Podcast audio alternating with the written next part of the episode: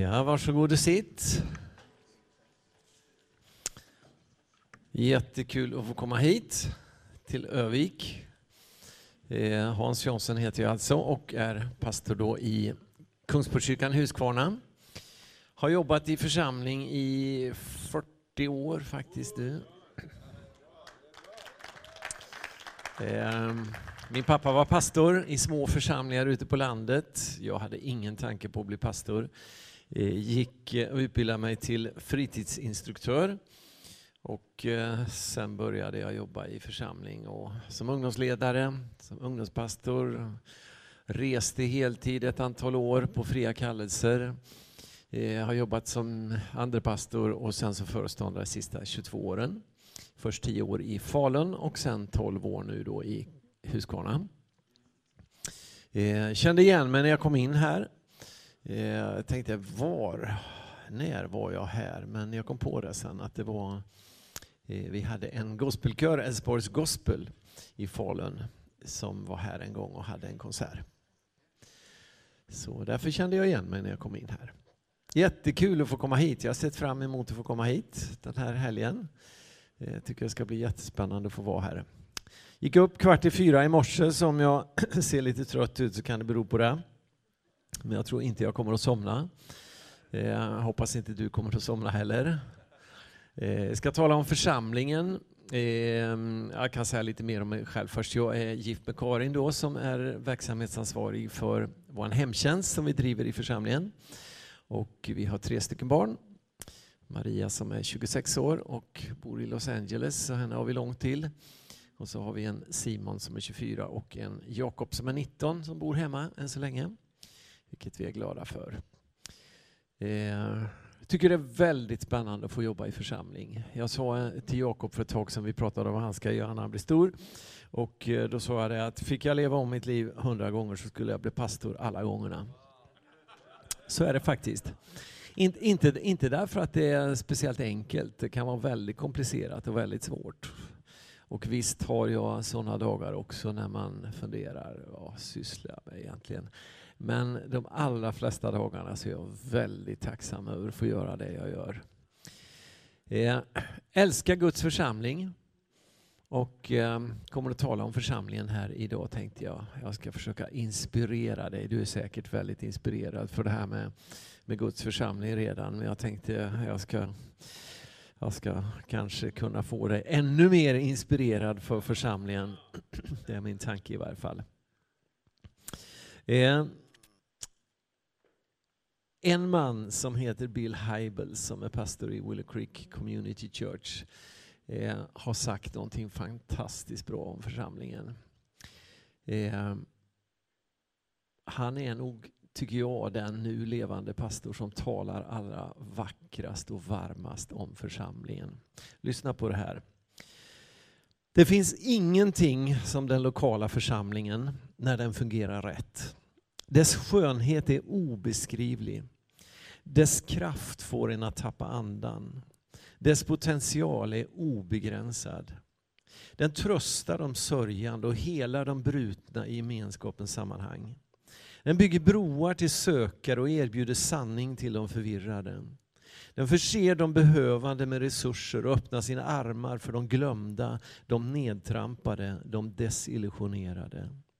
Den bryter kedjor av missbruk, befriar de förtryckta och erbjuder tillhörighet till den här världens marginaliserade människor. Hur stort det mänskliga lidandet än är så har församlingen en ännu större kapacitet för att erbjuda helande och helhet. Ännu till denna dag så är den lokala församlingens potential nästan för mer än jag kan fatta. Ingen annan organisation på jorden kan jämföras med den lokala församlingen.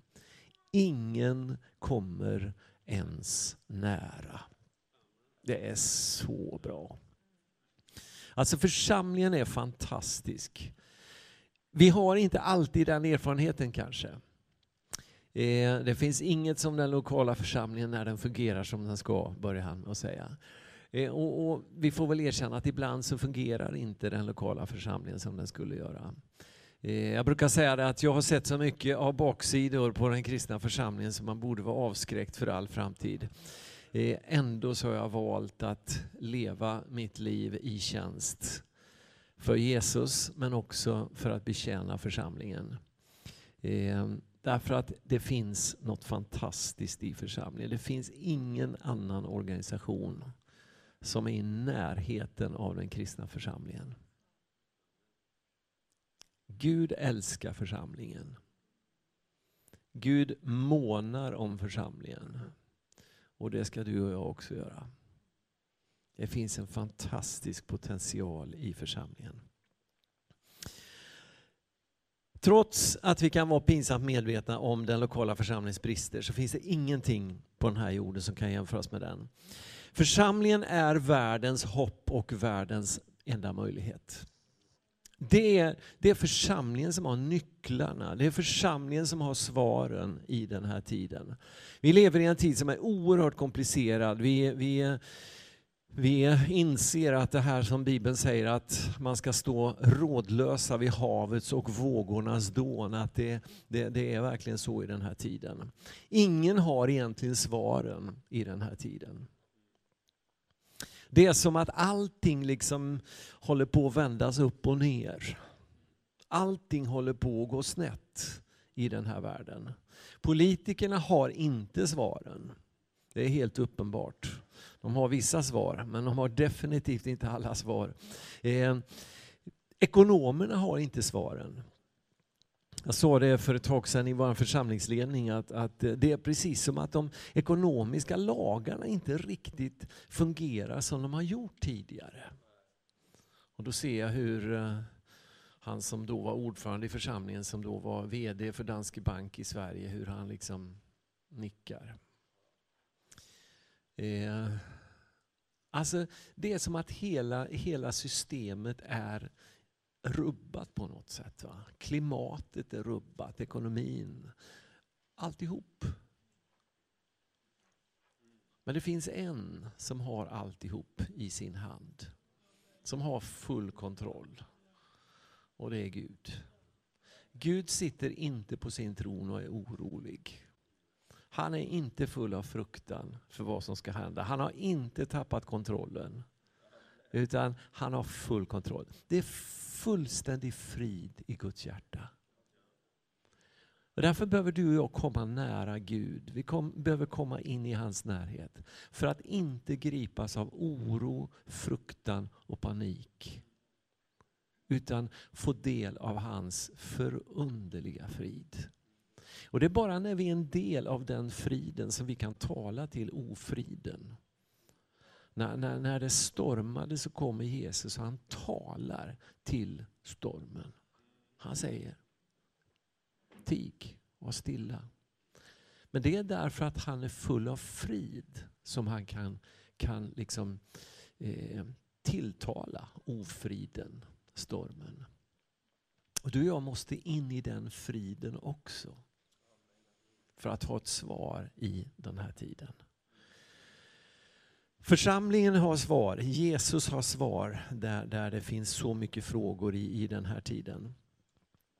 Nu finns det inga fullkomliga församlingar på den här sidan av evigheten. Den församling jag jobbar i är inte en fullkomlig församling.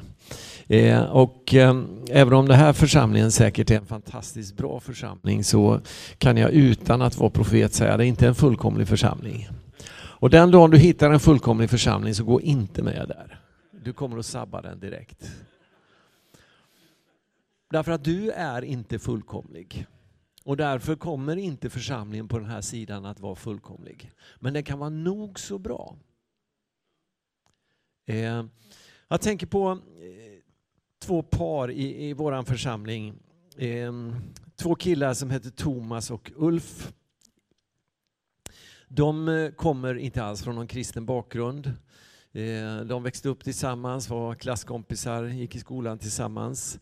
Eh, 1982 så hade man besök i Pingstkyrkan i Huskvarna av en norrman som hette Terje Berntsen.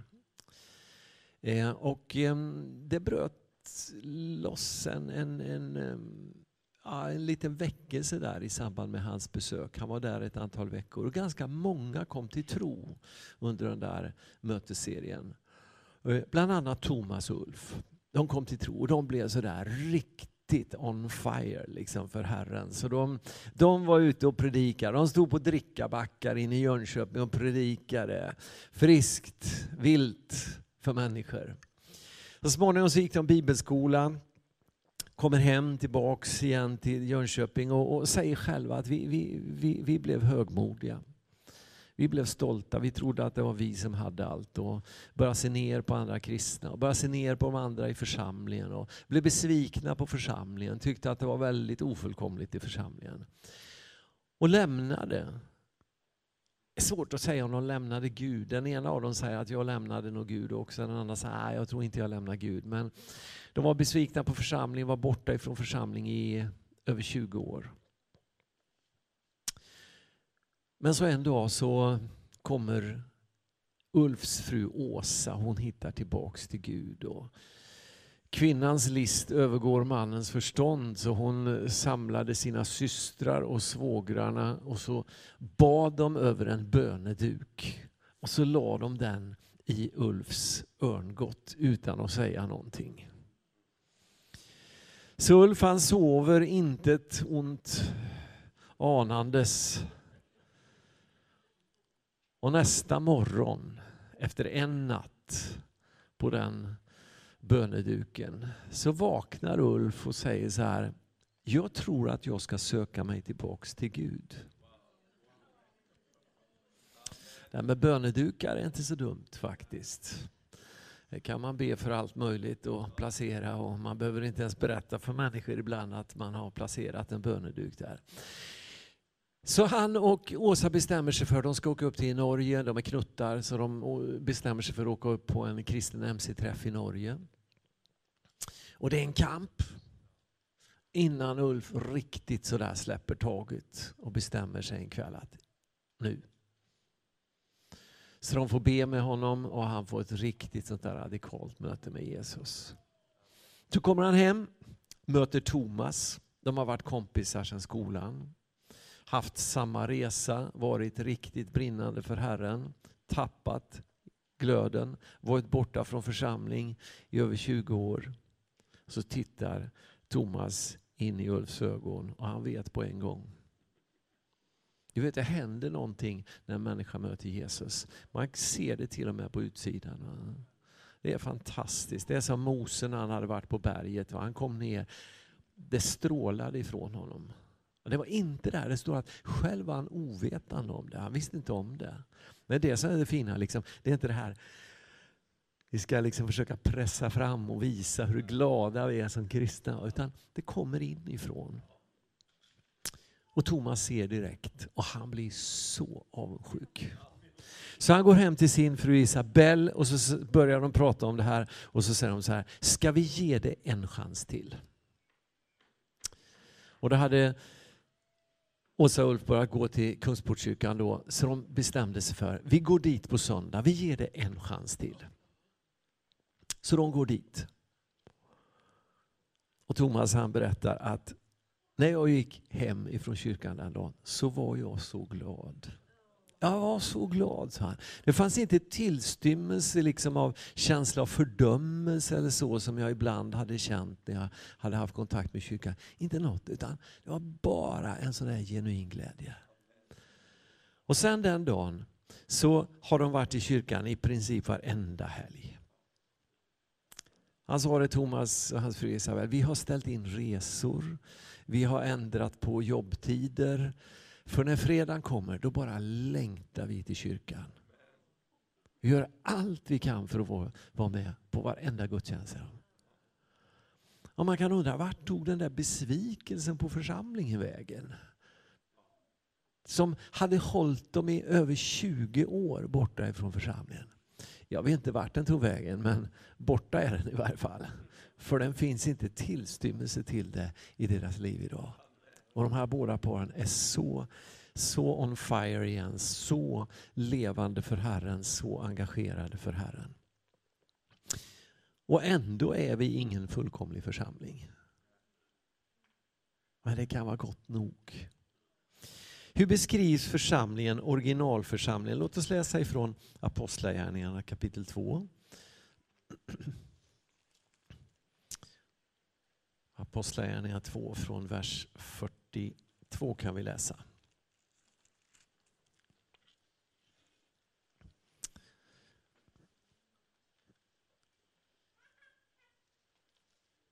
Varje dag var de endräktigt tillsammans i tempel och i hemmen bröt de bröd och höll måltid med varandra i jublande innerlig glädje.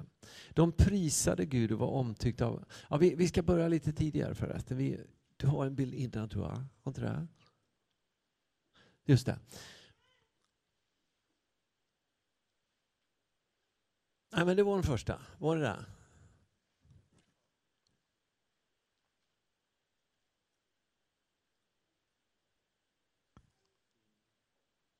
Just det, vers 42. De höll troget. Varje dag var de enräktigt tillsammans i tempel och i hemmen bröt de bröd och höll måltid med varandra jublande innerlig glädje. De prisade Gud, var omtyckta av allt folket och Herren ökade var dag skaran med dem som blev frälsta. Eh, det är slutet det där på den. Va? Jag läser det här ifrån min översättning.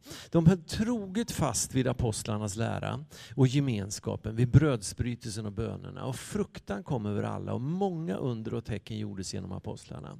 Alla troende var tillsammans, hade allting gemensamt. De sålde sina egendomar och allt vad de ägde och delade ut till alla efter vad var och en behövde. Varje dag var de endräktigt tillsammans i templet och i hemmen bröt de bröd, höll måltid med varandra i jublande innerlig glädje. De prisade Gud, var omtyckta av allt folket och Herren ökade var dag skaran med dem som blev frälsta. Det här är en fantastisk bild av den här första församlingen. Undra på att den var attraktiv. Undra på att varenda dag så var det nya människor som kom till tro. Därför att det var någonting så tilldragande med den här första församlingen. Människor som inte var kristna, de, de, de uppskattade det de såg. Och de kände, det här ville de vara en del av. Den här gemenskapen ville de också få dela. Det som beskrivs här i Apostlagärningarna 2, det är världens möjlighet och världens enda hopp. Jag kan berätta lite om vår församling, lite kort bara så där innan vi fortsätter att tala om, om församlingen i allmänhet. Eh, vår församling, Kungsportskyrkan, eh, bildades den 22 januari 1956. 23 personer bestämde sig för att starta en församling. Upplevde att Herren hade talat till dem. Eh, som man startade upp en församling. Man hade inte speciellt mycket då. Den första gåvan till församlingen bestod av 100 kronor och två kollektboxar. 100 spänn och två kollektboxar, vad kan det bli av det? Ja, den här församlingen de hade ingen egen, eh, ingen egen eh, byggnad. Man hyrde lokal första tre åren. Men efter tre år så, så fick man möjlighet att eh, köpa en tomt och bygga sin första kyrka. När man kom in på 80-talet, början på 80-talet så hade församlingen vuxit och man eh, började bli trångbodd, så man byggde till på den tomten där man var. Men församlingen fortsatte att växa och, och eh, så där när man hade kommit in en bit på 90-talet så, så var det för trångt igen och då fanns det inga expansionsmöjligheter på den, eh, det området där man, där man höll till då. Så man börjar fundera, vad ska vi göra? Eh, vi måste hitta någon annanstans att vara. En kväll så är det en av medlemmarna som har varit på tältmöte. Han åker hem och när han passerar en stor byggnad som, eh, där Huskvarna stålpress höll till så upplever han hur Gud säger här ska Smyna ligga. Församlingen hette Smyna på den tiden. Han delade det här i församlingen och en del tyckte att det lät väldigt bra, en del tyckte nog inte att det lät så bra. Man ville ha någon annan typ av kyrkbyggnad än det här och eh, det var väldigt slitet och smutsigt och eländigt. Men en bra stomme på byggnaden och ett fantastiskt, fantastisk utsikt. Dessutom så var det en stålpress som höll till där så det fanns ingen möjlighet att komma åt den då. Men församlingen, de som kände för det här, de började be för det här och man fick börja vänja sig vid tanken och så 99, november 99 så blev det möjlighet att köpa in den här byggnaden. Då tömde man liksom hela innehållet i byggnaden, behöll eh, yttre skalet och så gjorde man om alltihop. Eh, och så småningom så blev det också en kyrksal där som eh, invigdes i november 2001. Så sedan 2001 har vi hållit till där uppe så det blir 15 år i höst.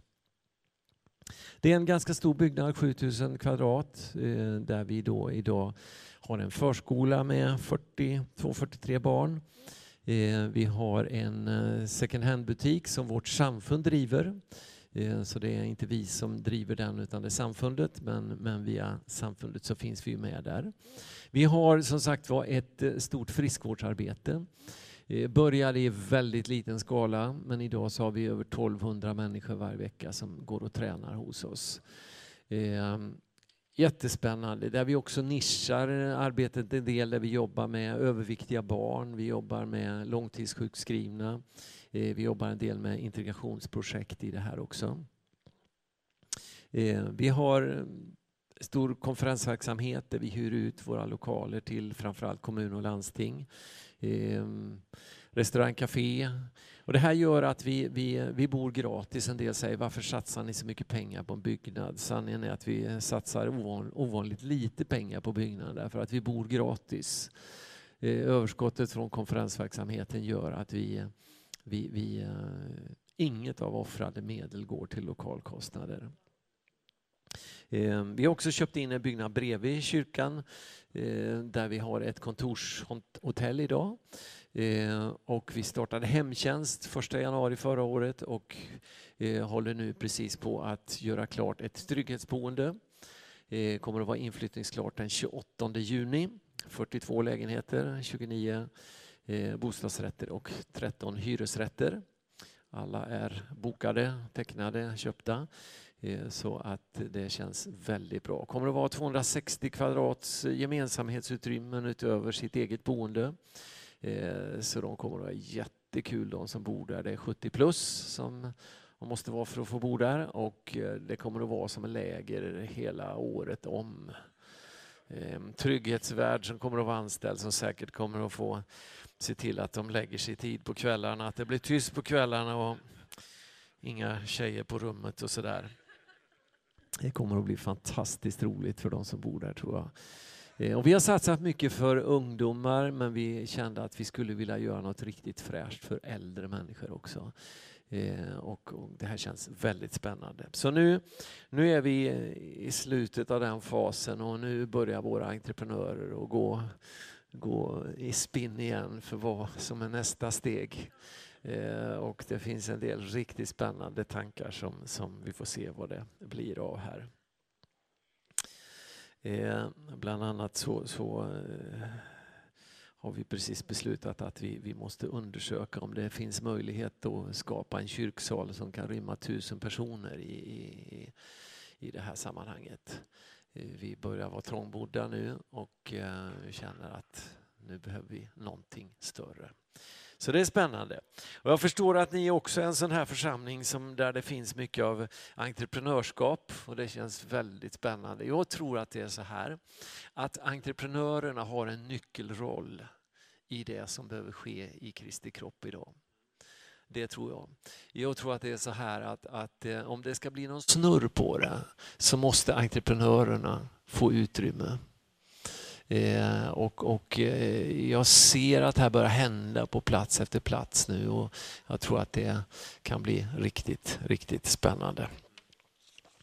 Eh, men, men det vi framförallt gör det är inte de här grejerna eh, runt omkring utan det är att bygga församling. Vi bygger församling och vi, vi, vi, alla de här grejerna är till för att, att stötta det arbetet. Jag ser en del församlingar där man, där man får mycket sån här kringverksamhet men där församlingen inte är stark och är den som bär. Och då blir det inget bra.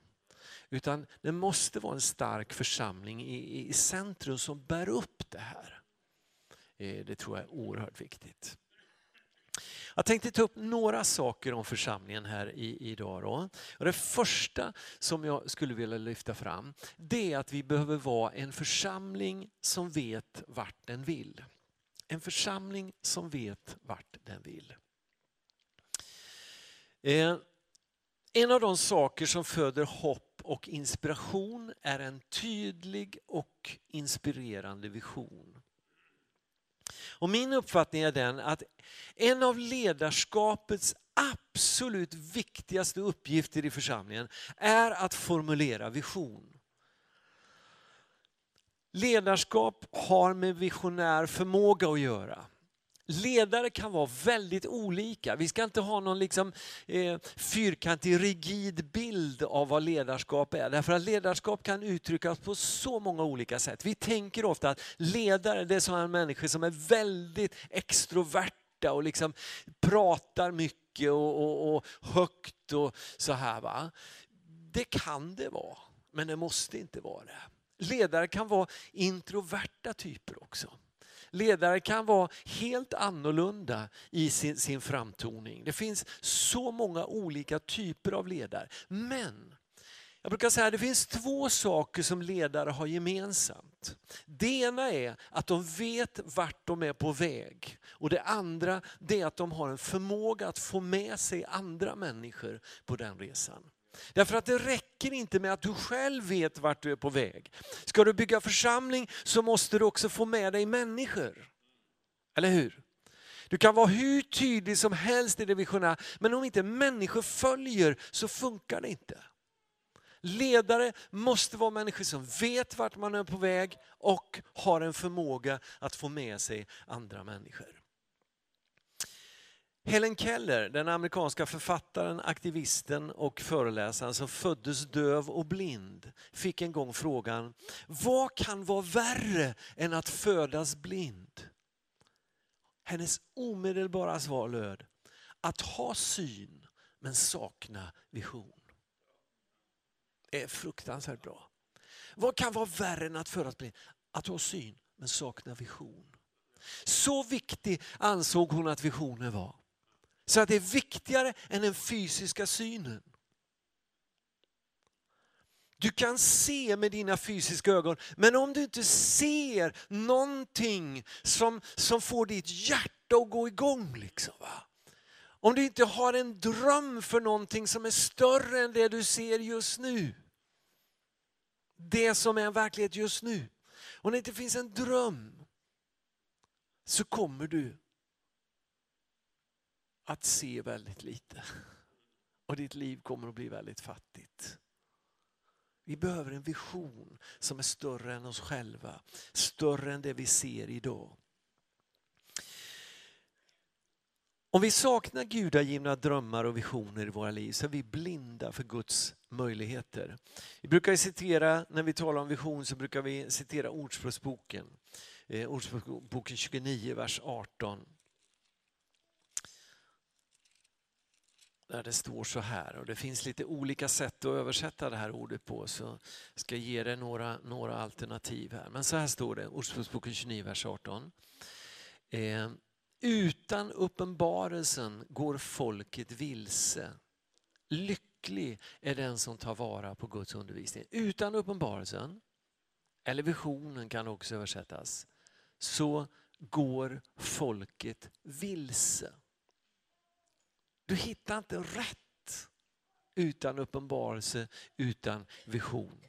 En annan översättning säger, den gamla översättningen sa ju att där profetia saknas blir folket tygellöst.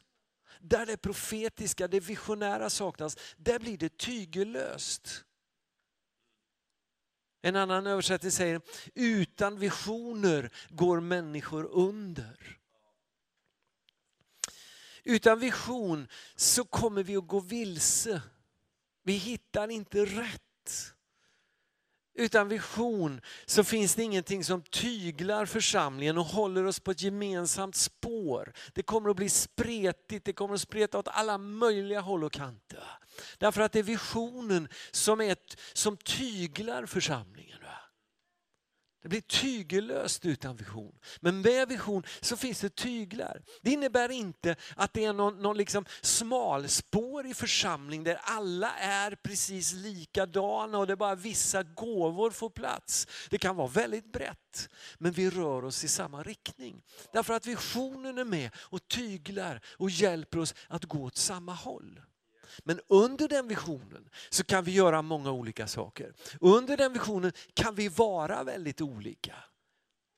Men vi rör oss i samma riktning. Utan visionen så, så går vi under. Alltså, det finns ingen inspiration. Det finns ingen glöd. Det dör utan vision. En församling utan vision, den kommer att tappa. Den kommer att, att förr eller senare dö ut. Därför att det är visionen som håller liksom glöden, inspirationen igång. Det är någonting som vi ser, åh Gud vill någonting mer, någonting större än det vi ser. Och det där inspirerar oss, det där lockar oss att gå vidare och sträcka oss längre. Om vi inte har vision så kommer det liksom, det blir ungefär som jag såg Snobben, seriefiguren Snobben. Vid ett tillfälle så stod Kalle Ponken på bakgården och så sköt han med pilbåge. Så här, Han skickade iväg en pil mot staketet och så träffar den liksom på ett ställe i staketet. Och då går han fram och så gör han liksom måltavlan utifrån var pilen landade. Och då kommer Gullan, eller Lucy som hon heter i den engelska varianten, och kommer fram och säger så här, varför gör du på det där sättet? Och Kalle Ponke svarar som det självklaraste i världen, på det sättet missar jag aldrig. Jag tänkte, precis så där gör vi i våra församlingar. Vi gör, vi gör måltavlan när året är slut. Vi skickar iväg en pil och ser var den landar. Och så säger vi, ja det där var målsättningen för året. Vi skjuter utan att veta vad det är vi siktar på.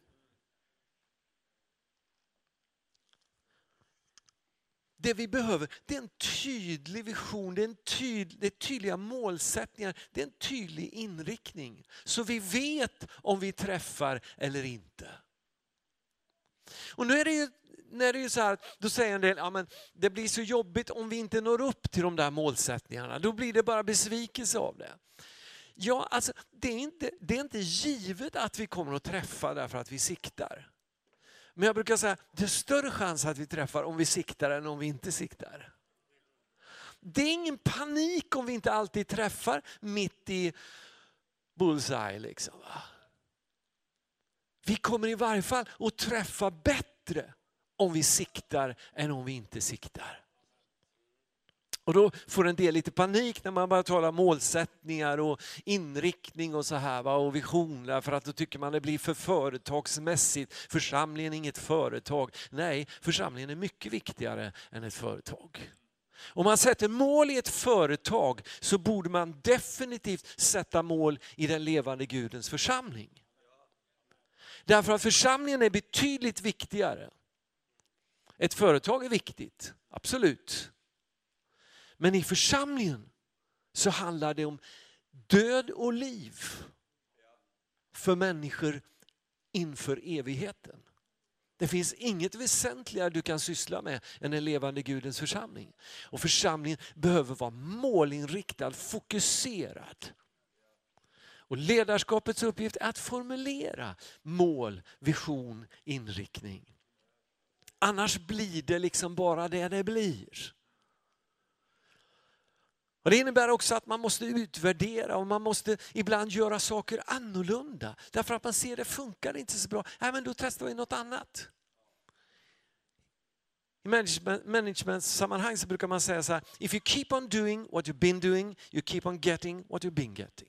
Alltså om du fortsätter att göra så som du hittills har gjort så kommer du att fortsätta att få det som du hittills har fått. Det enda sammanhang där vi tror att det inte funkar så, det är i församlingen. För där tror vi så här, om vi bara fortsätter att göra samma sak nog länge så kommer vi plötsligt att få ett annat resultat. Men det är inte sant. Så om vi ser att det vi håller på med nu, det är inte riktigt fruktbart. Nej men då får vi hitta ett annat sätt att jobba på. Och vi måste vara brutalt ärliga i vårt sätt att utvärdera det vi håller på med. Därför att det vi håller på med är så avgörande, så viktigt. Och Jag tror att vision, tydlig vision skapar trygghet och det skapar inspiration. Jag tror att brist på vision, brist på tydliga mål är en av de stora bristerna i våra församlingar i Sverige idag. I en tid av modlöshet, i en tid av förvirring där det drar hit och dit måste ledarskapet få präglas av vision. Tydlighet. Fånga in visionen och kasta ut visionen. Och Det här är någonting som vi som pastorer i allmänhet i Sverige är väldigt dåliga på. Säkert inte pastorer i den här församlingen, men nu pratar vi om de andra församlingarna. Pastorer i allmänhet i Sverige är väldigt dåliga på att kasta vision. Och Vi behöver lära oss det här. Att predika vision, förmedla vision. Därför att vision smittar. Vision skapar inspiration, skapar hopp, skapar tro, skapar engagemang. Och när det inte finns något hopp, då slutar människor engagera sig. Jag har läst mycket om ledarskap och det finns ju jag höll på att säga miljoner definitioner, gör det kanske inte, men det finns oändligt många definitioner på ledarskap. Men jag tycker den bästa definitionen jag har stött på hittills, det är Napoleons definition. Han sa så här, en ledare är en som förmedlar hopp. Det är så bra. En ledare är den som förmedlar hopp. Vem följer man? Den som har hopp. Man följer inte den som upplever att alltihop är hopplöst. Man frågar Winston Churchill efter andra världskrigets slut. Vad har varit Englands viktigaste vapen i kampen mot Nazityskland? Winston Churchill svarade utan ett ögonblicks tvekan, det som alltid har varit Englands viktigaste vapen, hoppet. Människor fortsätter jobba, människor fortsätter offra, människor fortsätter slita, människor fortsätter att engagera sig så länge det finns hopp. Men när det inte finns något hopp kvar, så ger människor upp. Så är det i alla sammanhang och så är det också i församlingen. Och vision, inriktning skapar hopp. Och därför är det så viktigt. När vi, jag kom till, till eh, Falun så hade man en vision som, eller vi, vi formulerade en vision ska jag säga, som, som var två meningar lång. När jag kom till Huskvarna sen så hade man en vision som var en halv A4-sida. Det stod jättemycket bra saker i den visionen, men ingen visste vad det stod.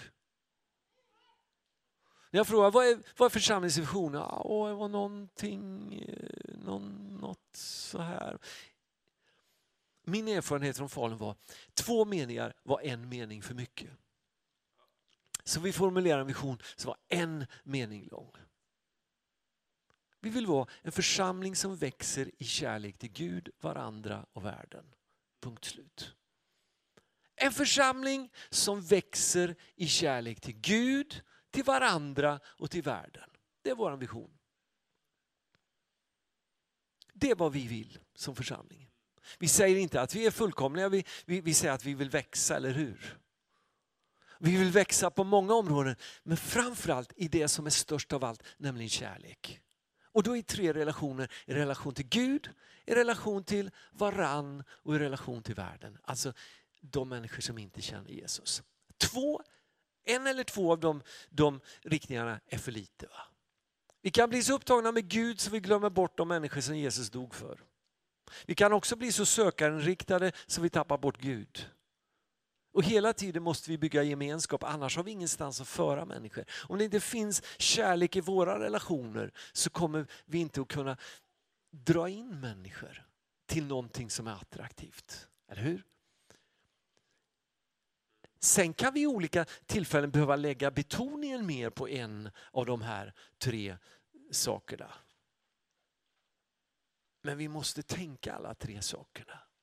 Vi frågar oss hela tiden, stärker det här vår kärlek till Gud?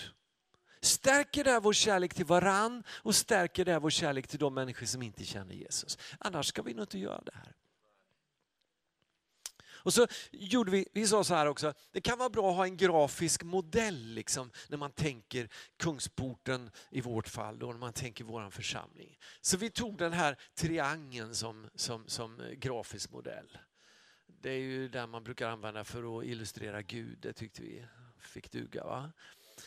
Så vi säger så här, den här triangeln den påminner oss om några saker hur vi tänker församling.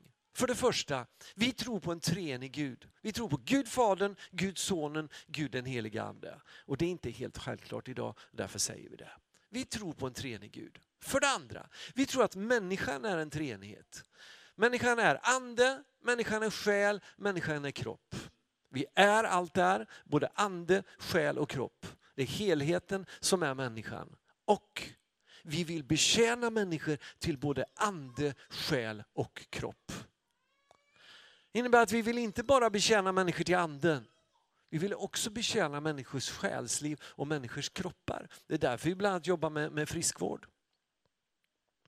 Vi vill betjäna hela människan därför att människan är en helhet och ska betjänas till helhet. Jesus gjorde ju det hela tiden.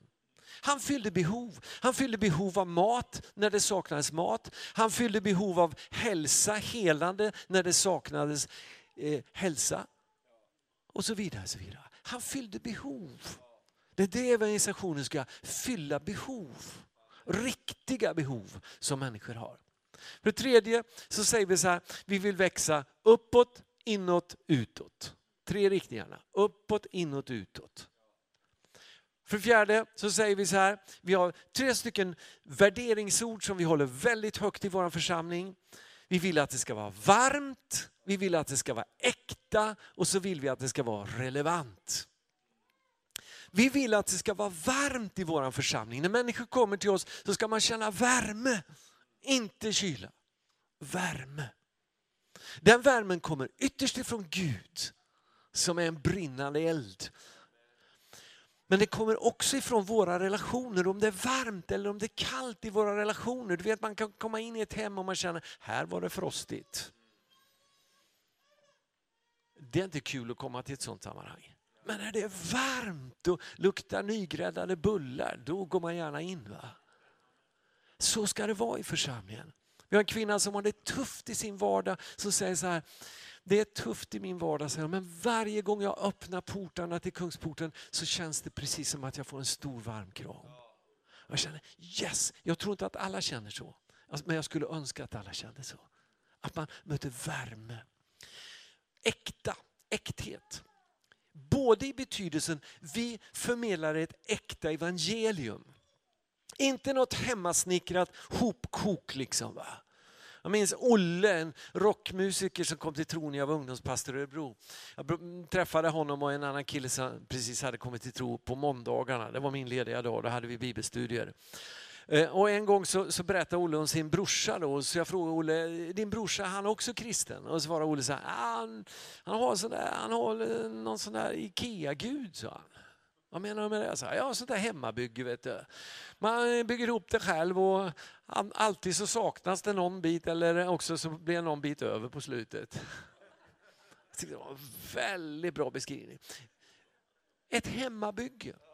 Alltså, många gånger gudsbilden blir ett hemmabygge idag. Va? Det blir som en sån här, sån här eh, jultallrik. Liksom. Man tar sin tallrik och så går man runt där vid julbordet. Så tar man lite sill om man gillar det. Och så tar man lite prinskorv om man gillar det. Men jag gillar inte de där grönsakerna så de får vara. Så tar jag lite köttbullar där. Och, och så gör jag min egen tallrik. Ja. Precis så människor gör på trons område idag. Man gör sin egen Gud. Alltså, det där är avgudadyrkan. Det vi måste predika, det är den Gud som uppenbarar sig i skriften. Det är den guden. Det äkta vara. Ja men det tycker inte människor om att höra idag. Nej, det kanske de inte gör. Då ska vi lära dem att tycka om det då. För att må bra av det. Alltså, vi måste predika ett äkta evangelium. Men också äkthet i bemärkelsen, människor får komma till oss och vara de de är. Man måste inte förställa sig och bli, bli, försöka låtsas vara något som man inte är. Och så säger vi för tre, relevant. Det ska vara relevant, det måste beröra livet. Jag mötte en pastor från Zimbabwe i, i, i, i, i förrgår var det väl. Han var förbi oss. Han berättade att vi ber mycket för Sverige i Zimbabwe. Vi ber om två saker, sa han. Dels att ni ska, ni ska vara relevanta som kyrka. Ni måste vara relevanta för den här tiden. Och det andra, ni behöver mycket av den heliga Ande. Jag tror att det är helt sant. Jag har en god vän som nyligen mötte en, en, en böneledare från Egypten. Han sa, vi ber väldigt mycket för Sverige just nu. Vi ber väldigt mycket för Europa. Tänk dig alltså, kristna från Mellanöstern som står mitt i sin kamp. Ber och ber framförallt för Europa idag. För de upplever att slaget står om Europa. Han säger Khaled så här, eh, att, att Gud håller på att öppna a window of opportunities. Det kommer nog inte vara speciellt långvarigt, sa han. Men det är en öppning just nu. Och därför ber vi väldigt mycket för Sverige och för Europa. Eller vår friskvårdspastor, hon var i USA på en sportkonferens. Då möter hon den kinesiska delegationen där. Och när hon får höra från Sverige så säger hon, åh vi ber mycket för Sverige nu. Vi har hört, det var höstas där, vi har hört att det kommer många flyktingar till Sverige. Vi tror att det är Gud i det här, sa de. Så vi ber om det, vi ber om att det ska komma ännu fler. Det är vad kinesiska kristna ber om. Du vet, det bes. Och vi känner ibland så här, vi, vi är dåliga att be i Sverige. Ja, det är sant. Men det hänger inte bara på våra böner. Det finns syskon runt, om i, kring, runt omkring hela världen som ber för Sverige just nu. Och det ger mig hopp för Sverige, för Gud håller på att göra någonting speciellt i Sverige just nu. Jag är övertygad om det. Gud håller på att öppna ett fönster i Sverige just nu. Och det gäller att se det och det gäller att ta den möjligheten som är just nu. Amen. Behöver ni en bensträckare nu? Va? Kan vi ta fem minuter och så fortsätter jag fram till tre sen? Är det okej? Okay?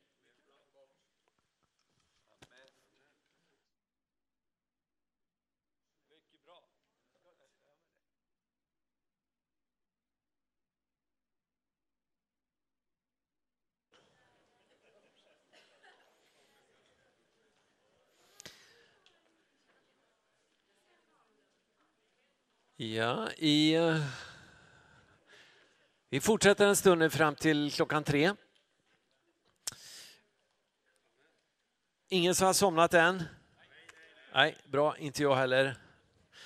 Eh, vårt samfund, vi samarbetar med ett samfund som heter Evangeliska Frikyrkan och man formulerade någonting som man kallar för EFK 2020 en, en målbild inför år 2020 som man skulle jobba mot. Och vi kände som församling att vi ska nog göra det vi också, så vi eh, formulerar någonting som vi kallar för Kungsporten 2020. Och eh, då, då valde vi, eh, du har en bild där, vi, vi, vi valde Eh, en sån här riktigt offensiv uppställning. Du vet i fotboll kan man ha, man kan ha 4-2-4 eller 4-3 eller så här. Vi, vi körde 1-2-3-4. Extremt offensiv uppställning. Eh, ett hjärta. Vi vill, vi vill att vår församling ska präglas av ett hjärta. Och i det hjärtat står det Gud först. Gud ska komma först på alla områden i vårt liv. I Karins och min eh, förlovningsring så, så har vi skrivit in Matteus 6.33. Sök först Guds rike och hans rättfärdighet så ska också allt andra tillfalla er. Hur sätter man Gud först? Ja, man kan göra det på en mängd olika områden. Man kan sätta Gud först i sin ekonomi genom att man ger först till Gud. Alltså man väntar inte till slutet av månaden och ser om det blir några pengar över och ger till Guds verk, utan man ger först till Gud förstlingsoffret på Bibelns tid, det var ju att man gav det första till Gud. Man gav det första av skörden, det första av apelsinerna, det första av, av tomaterna eller vad det var man odlade. Så gav man det till Gud. Som ett uttryck för dels att alltihop egentligen tillhörde honom. Och eftersom alltihop var hans så gav man till honom först. Och när man gav det första till Gud så gjorde man det med bönen att Gud skulle välsigna helheten så att det räckte. Vi ger först till Gud. Tiondegivandet är någonting som vi predikar, inte som en lag, men som vi tror är en, en god princip och som vi tror innebär välsignelse. Ge först till Gud. Men du kan också praktisera det att ge det första av dagen till Gud. Att börja dagen med Herren. Va? Börja dagen i ordet och bönen. Du kan ju be när som under, under, under dagen naturligtvis. Men det finns någonting i det där att börja rätt. Gud först. Du kan också applicera på att du ger den första veckodagen till Gud, söndagen. Du avskiljer den för Gud. Gud först. Det innebär hela veckan är ju hans. Va? Hela dagen är hans, allt du äger är hans. Men du ger först till Gud. Du börjar med Gud. Och jag tror att det, det är det sättet på vilket vi, vi upplever verkligen Guds välsignelse över oss. När vi sätter Gud först. Vi vill vara en församling som präglas av ett stort hjärta och i det hjärtat ska stå Gud först. Sen bygger vi med två stycken byggstenar. Vi bygger med gudstjänsten och vi bygger med hemgruppen. Vi tror på den stora gemenskapen och vi tror på den lilla gemenskapen. Vi tror att vi behöver både den här stora gemenskapen när det är fest, när vi är många som kommer tillsammans, men också den lilla gemenskapen gemenskapen där vi känner varandra vid namn och där vi kan be och, och stötta varandra konkret i, i vardagen. Vi har sagt att vi vill ha tre fokusområden fram till 2020 och kanske sen också. Det första är evangelisation. Vi måste vinna människor för Gud i det här landet. Det andra är barn och ungdom. Nästa generation, vi måste, vi måste lyckas där. Annars är det snart slut på församlingen. Och det tredje, det är diakoni. Jag är övertygad om att en församling som inte har ett tydligt diakonalt fokus har ingen framtid. En församling som inte har ett tydligt diakonalt fokus kommer man inte att lyssna på. Det enda som kan få människor att lyssna på församlingen när vi uttalar oss i lite känsliga frågor, etiska frågor, moraliska frågor, det är om vi verkligen bryr oss om de svagaste i samhället. Vad var det som gjorde att när, när Moder Teresa uttalade sig, till exempel när hon var på bönefrukosten i Washington. Och hon var ju så liten och kort va, så de ställde, fick ställa en trälåda för att hon skulle komma upp så man såg henne bakom talarstolen. där. Och så satt då paret Clinton, som var, Bill var ju president då. Och så satt Al Gore och hans fru längst fram. Och så började den här lilla damen och utmana när det gällde abortfrågan och sättet att behandla de gamla. Och efteråt så fick Bill Clinton frågan hur han reagerade på hennes uttalande. Och då svarade han ungefär så här. Eh, det fanns vissa saker som Moder Teresa sa idag som vi kanske inte riktigt håller med om. But who can argue with a life so beautifully lived. Vem kan argumentera med ett liv som levs så vackert? Du vet, det enda som kommer att få människor att lyssna på oss i stort i samhället, när vi uttalar oss i känsliga frågor, det är om vi bryr oss om de svagaste. Vad är det som gör att Klara kyrka har fått sån ingång i Stockholm? Jo, det är därför att man bryr sig om de svagaste i samhället. Och det kan vara olika grupper vi når där. Vi kan, det kan gälla hemlösa, det kan gälla uteliggare, det kan handla om, om, om eh, nysvenskar, det kan handla om, om missbrukare, det kan handla om överviktiga barn, det kan handla om alla möjliga saker. Va? Men vi måste ha ett tydligt diakonalt fokus som församling idag. Och alla ska inte göra samma saker. Men frågan är, vilket är vårt fokus? Vad har Gud gett oss? Var kan vi verkligen betjäna de svaga i samhället? Så att det inger respekt. Och så talar vi om fyra framgångsfaktorer för att lyckas. Det ena, det första är att vi tror på ord. Gud skapade med ord. Ord är viktigt. Predikan, vi tror på predikan. Därför predikar vi länge. Vi tror på det personliga vittnesbördet. Vi måste återerövra det. Människor måste prata om Jesus, vittna om Jesus i vårt samhälle.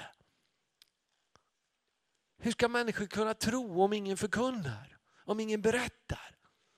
Ord är viktigt, men ord räcker inte. Till ord måste kompletteras gärningar. Kärleksgärningar, barmhärtighetsgärningar, att göra gott. Men det räcker inte det heller. Vi behöver det där som bara Gud kan göra, nämligen under och tecken. Övernaturliga kraftgärningar, där Guds ande gör det där som vi inte kan göra. Och så säger vi för det fjärde, bön. Alltihop måste genomsyras av bön, präglas av bön. Det där tror vi är framgångsfaktorer som vi vill jobba med. Men när man har gjort sådana här grejer som vi gjorde den här Kungsporten 2020 eller när vi formulerar vår vision eller som vi gör varje år. Vi börjar varje år i, i, i januari, mot slutet av januari så har vi en visionsgudstjänst som vi säger, det är årets viktigaste gudstjänst. Där vi slår fast inriktning för året och där vi, där vi varje år antar ett motto för det året. Det här året så, så är vårt motto, vi travesterar på det olympiska mottot i år. Olympiska mottot är ju eh, snabbare, högre, starkare. Men vi kör istället djupare, högre, längre. Och Sen predikar vi om det hela året. Vi har hållit på med djupare nu. Hela året fram tills nu har vi kört djupare. Nu har vi gått över på högre och så ska vi tala om längre sen.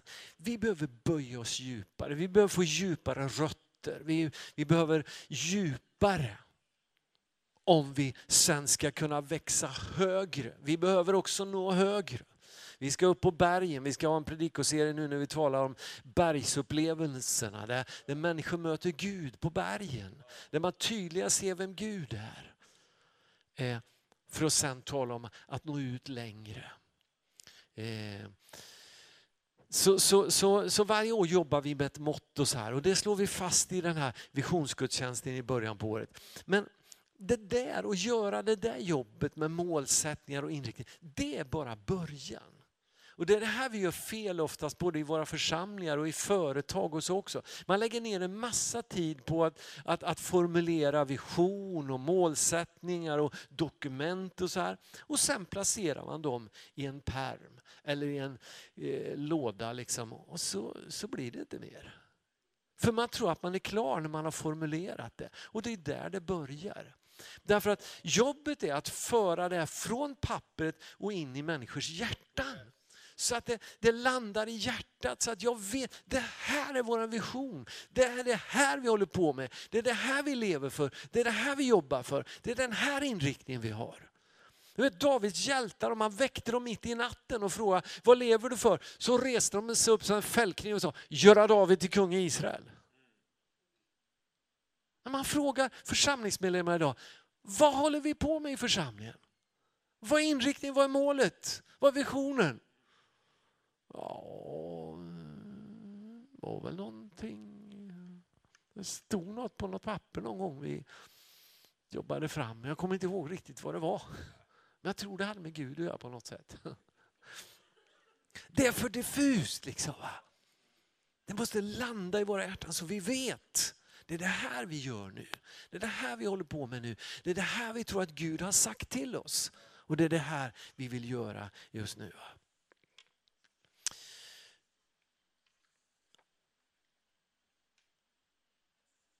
En annan sak, en församling som vet vart den vill, det andra jag skulle vilja lyfta fram nu, det är att vi behöver vara en församling som vill växa. En församling som vill växa. Vill ni vara det? Är ni säkra? Är ni hundra?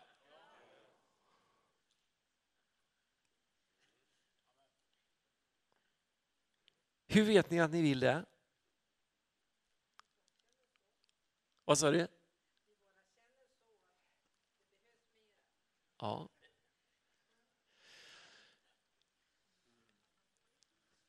Om man studerar originalförsamlingen Apostlagärningarna så är det helt uppenbart att det var en starkt växande församling. Alltså på en enda, ibland får jag höra så här, vi ska inte ha så stora församlingar. Och då tänker jag så här, alltså den första församlingen, originalet, de blev 3000 på en enda dag.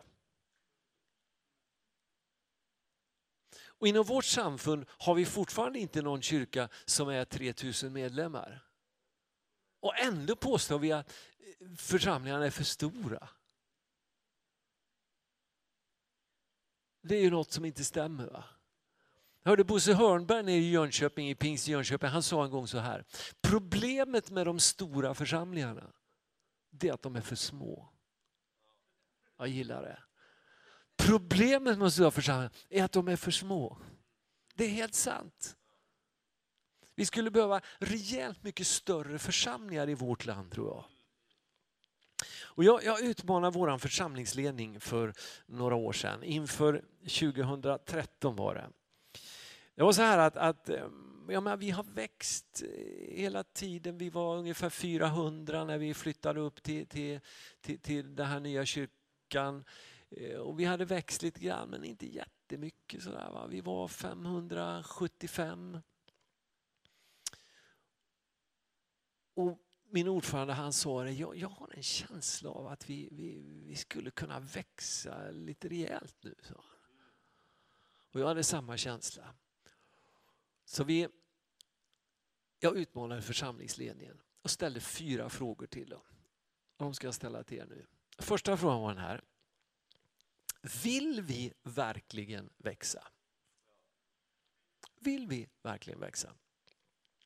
Jesus ställde en märklig fråga till en man som hade varit sjuk i 38 år. Han sa, vill du bli frisk? Eh, ganska märklig fråga va? Och Det kan tyckas lite märkligt att ställa frågan, vill vi växa till församlingsledare? Men jag tror det är den första frågan man måste ställa, vill vi verkligen växa? Det är inte så givet att man vill växa nämligen. Därför att att växa skapar problem.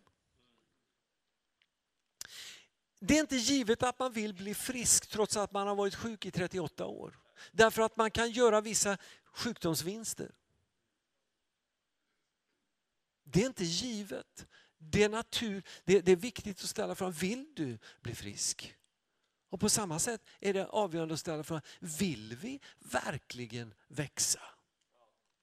Nej, men jag märker ju det här i vår församling, en del tycker att äh, nu börjar det bli för många här. Nu börjar det bli svårt, nu, nu, det är så många som man känner inte igen alla. Och man kan inte namnet på alla. Och som en kvinna i vår församling, hon frågade någon en söndag så här, Jaha, vad, vad heter du då? Ja, samma som förra veckan fick hon till svar. Och kände sig jättedum naturligtvis. Men det är bara att köra på. Därför att vi vill bli fler. Vi vill bli större. Vi vill växa. Men det är den första frågan man måste ställa. Vill vi verkligen växa eller går det bra ändå? Den andra frågan han ställer, det var den här. Tror vi på tillväxt? Du vet, Jesus han, han sa ju, ske dig som du tror.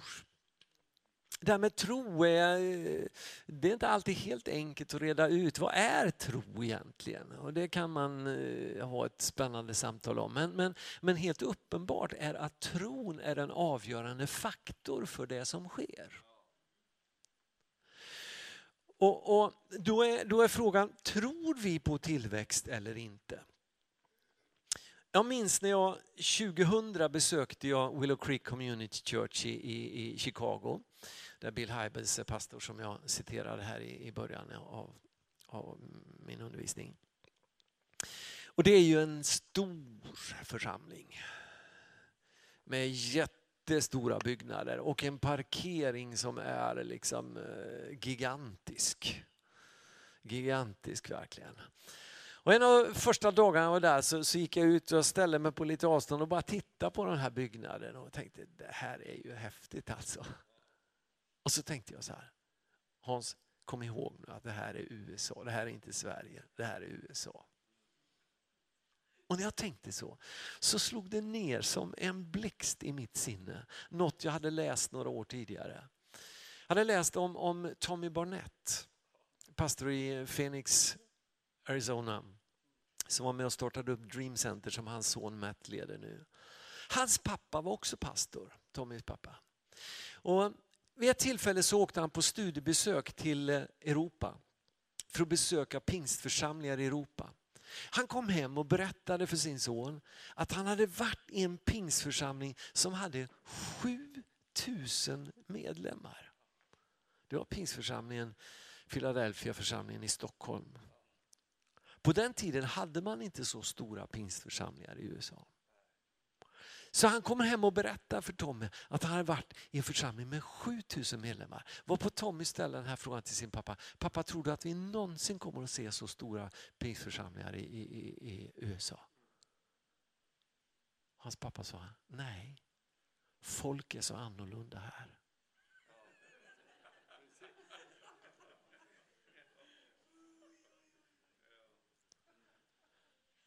Och vi åker till andra länder och vi ser i Korea, vi ser i USA, vi ser i andra sammanhang hur det kan växa väldigt stort. Och så tänker vi, men inte här, här kan det inte ske. För folk är så annorlunda här. Va? Du vet, Tommys pappa han fick aldrig se pingstförsamlingar som var så stora. Men Tommy fick se det. Den församling han Eh, ledde i Phoenix, Arizona, den, den blev betydligt större än 7000. Alltså ibland tror jag vi sätter de mentala spärrarna, gränserna här. Va? Det går inte. Vi är alldeles för mycket närkingar i svensk kristenhet. Ett närkar säger, det går aldrig. Det går aldrig, nej då.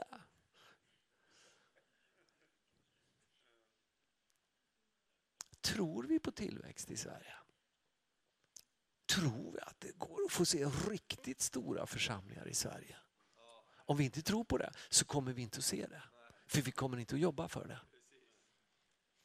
Den tredje frågan jag ställde det var den här, planerar vi för tillväxt? Alltså, även om vi både vill växa och tror på tillväxt så räcker inte det. Utan vi måste också planera för tillväxt. Vad är det i våra planer som visar att vi tror på tillväxt? Ja, men vi tror på det. Vi tror på det och vi bekänner det och vi tror. Ja, men vad gör ni praktiskt som visar att ni tror på det? Planerar ni för det? Jag tänker på Jesaja 54 där det står att spänn ut tältlinorna och spar inte. Slå ner tältpluggarna ännu djupare. Va? För du ska utbreda dig både åt höger och åt vänster. Alltså det var så man gjorde en, en, en, eh, en, en, en, familj på den här tiden, nomadfamilj. Att när man växte, när man blev fler, så fick man slå ner tältpluggarna ännu djupare för att det skulle vara stadigt. Och så fick man dra ut tältdynan och så spände man ut tältduken så att det skulle rymma fler. Det är så vi behöver göra i församlingen också.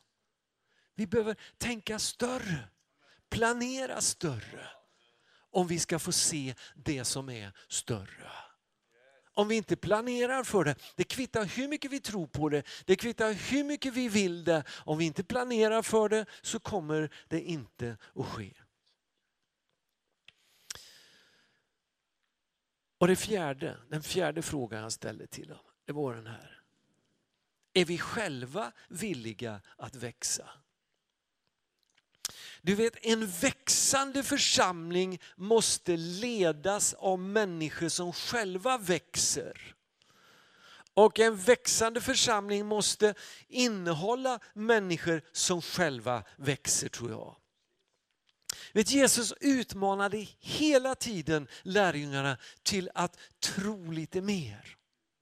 Våga lite mer, tänka lite större, sträcka sig lite längre. Jag tänker på när, när han kommer till dem där på, på sjön. De sliter där i, i motvinden och det är jobbigt och besvärligt och plötsligt kommer Jesus gåendes på vågorna. Och först blir de alldeles livrädda. Liksom.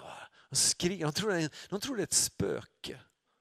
Alltså, det är underbart med de här lärjungarna att läsa om dem därför att alltså, man inser hur, hur, hur klantiga de var. Hur mycket lika oss de var. Alltså, de tror det är ett spöke. De kan inte skilja på Jesus och ett spöke. Eller Jesus och Fantomen, de trodde det var en vandrande vålnad som kom. Va? Och Jesus sa, äh, lugn, det är jag, så här. Oh, bara du. Och så säger Petrus, om det är du så säg åt mig att komma till dig. Och Petrus han tar klivet liksom, över båtrelen och börjar gå på vattnet. Och går och tittar på Jesus och det går. Men så plötsligt så står jag, så lägger han märke till hur det blåste. Och plötsligt börjar han sjunka. Är det svårare att gå på vattnet när det blåser än när det inte blåser? Det har inget med saken att göra. Men det är precis det Fienden vill få oss att få uppmärksamhet på omständigheter. När vi slutar se på Jesus, titta på omständigheterna, då sjunker vi. Så länge vi tittar på Jesus så kan vi gå. Men det intressanta det jag vill komma till, det är att när han sjunker så fiskar Jesus upp honom så det är lugnt. Liksom, va? Men så säger Jesus så här, bra Petrus, vad duktig du var, jätteduktig Petrus, som vi gör till våra barn när de lyckas gå. Va? Nej det gör han inte. Jesus säger så här, varför tvivlar du för du klentrogne? Hyggligt, man har just gått på vattnet. Alla de andra satt i båten. Och så får man höra att man, man är klentrogen. Liksom. När man har gått på vattnet. Varför säger Jesus så? Vill han vara tyken mot Petrus? Vill han trycka ner Petrus? Nej. Han vill få Petrus att inse han kan mer än vad han gjorde nu. Han kan bättre än det.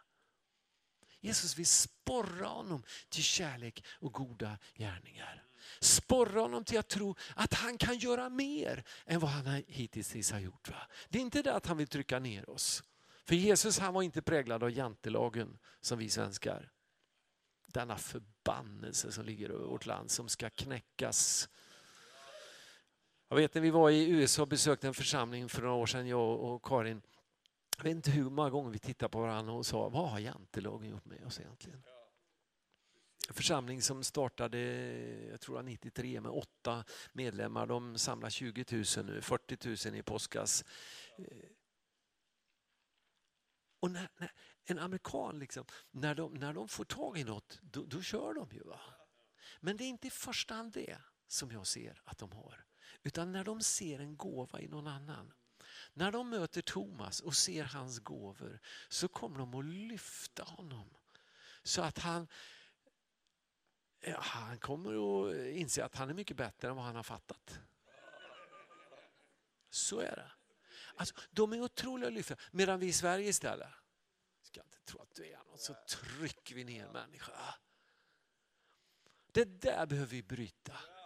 Där vi lyfter varandra, där vi sporrar varandra till kärlek och goda gärningar. Där vi får, där vi, där vi får liksom känslan i varandra, du kan mer än vad du har gjort. Vi lockar fram det bästa i människor. Thomas Alva Edison, uppfinnaren, han sa en gång så här. Om vi verkligen gjorde allting som vi har förutsättningar att klara av så skulle vi slå oss själva med häpnad. Om vi verkligen gjorde allting som vi har förutsättningar att klara av så skulle vi slå oss själva med häpnad. Carl Schultz, han som, eh, har, har teck, som tecknar snobben, han, han använder den här bilden. Livet är en tioväxlad cykel. De flesta av oss har växlar som vi aldrig använder. Det är sorgligt. Om ditt liv, om de talanger, de gåvor som Gud har lagt ner i ditt liv skulle liknas vid en tioväxlad cykel. Hur många av växlarna tror du att du har använt hittills då? Ja, han har använt fyra, fem stycken i varje fall. Ja, bra. Men nu har du fem, sex stycken som du inte har använt än. Jag minns när jag var liten, vi var ute och åkte bil, pappas PV liksom, på semester och så fastnar växelspaken i tvåans läge. Det var inte kul. Det lät väldigt mycket och vi var högt varv men det hände inte så mycket. Liksom, va? Så vi fick stanna och en makron hjälpte oss och sen ettan, tvåan, trean, fyran. Liksom. Plötsligt hände det någonting. Va? Det är så många av oss som har fastnat med växeln i tvåans läge. Församlingar och individer. Jag hörde en predikan en gång som utmanade mig något så fruktansvärt mycket. Man heter Miles Monroe. Han sa så här. Tänk om Beethoven skulle ha dött med all den musiken kvar inom sig. Tänk om någon av de här riktigt stora konstnärerna, Da Vinci eller Rembrandt eller någon av de här, skulle ha dött med alla de tavlorna omålade.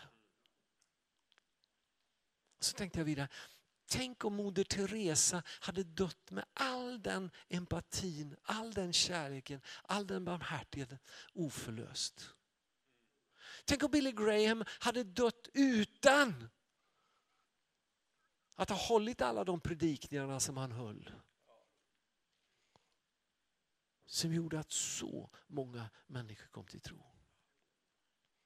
Bara när han var i Tyskland. Jag hade inte fattat att han var så stor i Europa. Faktum var att han var i Tyskland strax efter andra världskriget och predikade på Olympiastadion. 80 000 människor där och de var det 16 000 som skrev eh, på att de hade tagit emot Jesus vid det enda tillfället. Han var i England, han, han hade en lång serie, den bara förlängdes vecka efter vecka. Avslutningshelgen så, så skulle man hålla till på Wembley Stadium.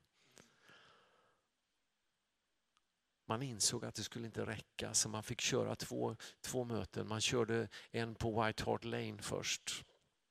Det var 65 000 där och lyssnade. Och Sen åkte han direkt till Wembley och där var det 100 000 människor som i snöblandat regn satt och lyssnade på förkunnelsen. Tänk om han aldrig hade utvecklat de gåvorna och gjort det Gud hade kallat honom till att göra. Vad är det Gud har lagt ner i ditt liv? Vet, vi skulle behöva titta varandra djupt in i ögonen och säga, det finns så mycket mer Thomas. Det finns så fruktansvärt mycket mer än det som du har gjort hittills. Och det är som med varenda en av oss. Gud har lagt ner så mycket mer i oss. Och frågan är, ska vi dö med det oförlöst eller ska vi vara med och förlösa det? och leva i det fullt ut ska du använda varenda växel du har på ditt livscykel så att när du är färdig så har du tömt dig fullständigt. Miles Monroe sa, den, de, den, den, den, mest värdefulla platsen i, i, i tillvaron det är egentligen eh, gravarna, kyrkogårdarna. Liksom, därför att där ligger så mycket oförlöst potential.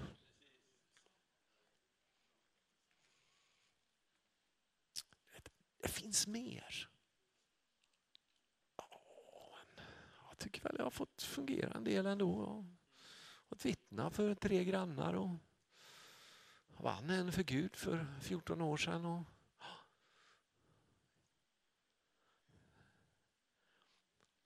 Gud kan göra mer, långt mer än vad du och jag kan be eller ens tänka. Det är vad Paulus säger. Gud kan göra mer, långt mer än vad du kan be eller ens tänka. Så när du tänker, när du visionerar riktigt vilt och tänker så här, nej nu tror jag nog i för mycket ändå. Så förstår du, Gud kan göra långt mer än vad du kan tänka. Långt mer, mycket mer, mycket mer. Det är inte så att Gud tänker, det är fantastiskt vad han hittar på nu då. Liksom. Var kom det där ifrån? Det hade jag aldrig kunnat tänka ut. Gud tänker mycket, mycket större. Mycket större. Mycket större. Mycket större. Och, och vi behöver liksom stretchas i vårt tänkande, precis som Petrus behövde förstå. Du kan mer Petrus. Så behöver vi stretchas i vårt tänkande. Så att vi inte tänker begränsat. För litet. Och vad är det som gör att vi vågar tänka riktigt stort? Vad är det som, som, som får människor att göra det där riktigt storslagna? Är det arv? Är det miljö? Ja, det är klart, arv och miljö påverkar.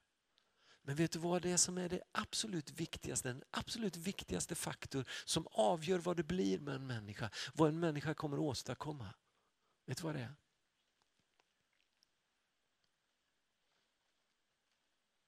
Ska jag berätta det? Okay. Det är vilken bild av Gud du har. Det är det som är absolut avgörande. Vad är det för bild av Gud? När, när David går ut mot Goliat, varför gör han det? Är det därför att han har kollat liksom och jämfört sina muskler med Goliats och sett, att mina muskler är nog lite större än du, jag fixar nog det här. Nej, han har tittat på Gud. Han vet att Gud är oändligt mycket större än den där lille Goliat. Det är därför han vågar. Det är gudsbilden som absolut kommer att vara den viktigaste faktor som avgör vad som sker i en människas liv. Vad en människa ska våga gå in i och vad en människa kommer att åstadkomma. Det är bilden av Gud. Och det är därför vi måste ha en, en stor Gud, inte den här förkrympta lilla klena gudsbilden som vi ibland har i västerländsk kristenhet. Utan Gud är oändligt stor. Det är honom vi tror på, det är honom vi tjänar. Och han kan förlösa tro i ditt och mitt hjärta till att göra så mycket mer än vad vi annars skulle våga göra. Tänk inte bara arv och miljö. Tänk att du är född in i en ny familj. Och där finns det en Gud som är så oerhört stor. Hur kan vi veta det? Titta på universum. Det är ett gigantiskt universum. Det är så stort så det, vi fattar ingenting av det. Och Gud vill predika genom universum. Vad säger universum? Han har uppenbart någonting av sina osynliga egenskaper säger Romarbrevet 1. Och vad är det viktigaste vi kan se när vi ser på, på, på skapelsen? Två saker. Det är ofattbart, ofattbart, obegripligt stort. Och så är det fantastiskt vackert. Sån är Gud. Han är ofattbart stor. Han är oändligt vacker. Och en man som jag har lärt känna nu, han är en sökare, en riktig sökare. Han har sökt i allt som går att söka. Jag på att säga. Och han är så nyfiken på Jesus, men han har så svårt att tro att Jesus skulle vara enda vägen. Han skrev ett brev till Gud för ett tag sedan, som jag fick del av. Och första frågan han ställde var den här. Gud, om du nu finns, varför gjorde du universum så onödigt stort? Och jag tänkte när jag läste, det där kan jag svara på. Jag vet precis. Han gjorde det onödigt stort. Därför att han ville berätta att han är fruktansvärt stor. Och han har full koll på alltihop som du sa när vi åkte hit idag. Han har sån koll. Han har stenkoll. Och han är oändligt stor. Och det är honom vi tror på, det är honom vi tjänar. Och då kan vi tro Gud om mycket. Får jag bara knyta ihop och säga, eh, när jag hade ställt de här frågorna till min församlingsledning så sa jag till Leif som var ordförande då, Leif, jag är lite frustrerad, sa jag. för jag tyckte inte jag fick någon riktig respons på de där fyra frågorna. Det var inte självklart att, att eh, församlingsledningen sa vi vill det här. Nej, sa Leif som är en av de klokaste människor jag mött. Det var därför att du la sånt tryck i den här frågan. Vill ni verkligen växa? Det var inte bara att säga ja på det. Så vi lät det ligga och gro lite och sen så kom vi igen och så tog vi upp frågan igen och då kände församlingsledningen att jo, vi vill växa. Och plötsligt börjar hända någonting. Och på 15 månader så, så, så såg vi en, en nettoökning på över 100 medlemmar. Och jag tror bara en början. Liksom Gud kan mycket, mycket mer än så. Va? Men, men vi måste vilja. För om inte vi vill så kommer det inte att ske. Om inte vi tror på det så kommer det inte att ske. Om inte vi planerar för det så kommer det inte att ske. Om vi inte själva är villiga att växa så kommer det inte att ske. Men jag tror att vi kan få se församlingar som på den här första pingstdagen där 3000 kommer till tro på en dag. Och sen står det att dagligen så var det nya människor som kom till tro. Den ökar med de som, som, som kom till tro för varje dag. Liksom. Varje dag var det nya människor som kom till tro. Det borde vara det normala. Inte det att det kommer en var sjunde år eller sådär. Därför att vi har ju världens bästa budskap. Thomas Tengby han sa en gång så här på radion. Ni kristna, sa han. Ni har världens bästa story. Den har allt. Ni har världens näst mest kända logotyp. Korset. Det är bara McDonalds-ämnet som är mer känt, sa han. Och så tillade han, och så sjabblar ni bort alltihop. Han har lite rätt i det. Vi har ett budskap som är fullständigt outstanding.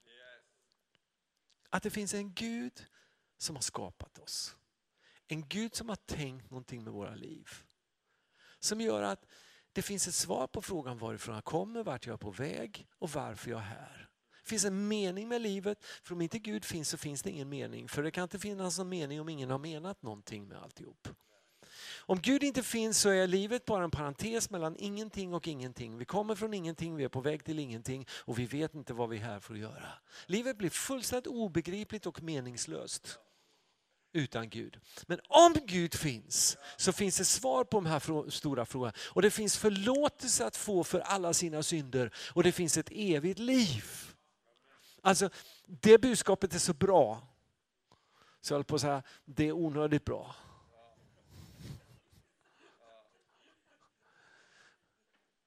Det är fantastiskt. Och så sitter vi och skäms för det. Och så säger Thomas då som gick på en alfakurs i Falun, han säger, varför pratar inte kristna människor om sin tro för? På mitt jobb pratar vi jättemycket om Gud, vi pratar jättemycket om religion. Men Mina kristna kompisar säger nästan aldrig någonting om Gud. Varför är det så, sa han. Bra fråga. Varför pratar vi inte mer om Jesus? Varför berättar vi inte mer om det här fantastiska budskapet vi har? Som varenda människa behöver få höra. Och det är till för alla. Det är tillgängligt för alla. När vi börjar göra det och verkligen tro på det så kommer vi att se att det kommer att växa idag också. För vi har världens bästa budskap. Och vi inbjuder till en fantastisk gemenskap, inte fullkomlig. Men den är fantastiskt mycket bättre än någonting annat som finns i den här världen. Och vi tror på en Gud som är så stor så att ingen av oss riktigt fattar hur stor han är. Och dessutom är han oändligt god och barmhärtig och full av kärlek och älskar dig och mig med en evig kärlek. Han är upp över öronen förälskad i dig och mig. Det är det budskapet som vi har att förmedla. Och det är dynamit till och med i Sverige. För människor är inte så annorlunda här. De bär på samma längtan, samma behov. Tack Jesus. Tack Jesus för det du gör, tack för det du har gjort för oss, tack för att du gav ditt liv för, för vår skull. Tack för att du uppstod för oss Herre. Tack för att du lever och tack Gud för att du tänker så stora tankar, så mycket större tankar än våra tankar. Dina tankar är så mycket högre än våra tankar och dina vägar är så mycket högre än våra vägar. Och Herre, vi vill på något sätt få komma upp på den nivån där vi fattar liksom att du är större och du tänker större, du förmår mer och du drömmer större. Åh Herre, låt oss få tänka mer i överensstämmelse med dina tankar. Och vi ber här om att vi ska få vara församlingar som verkligen växer och återspeglar din härlighet och din storhet i en större utsträckning än vad vi gör idag. Herre, tack för att du är god och tack för att du är med oss och att du finns mitt i vår gemenskap och att du vill tala till oss och röra vid oss den här dagen. Tackar vi dig för i Jesu namn. Amen.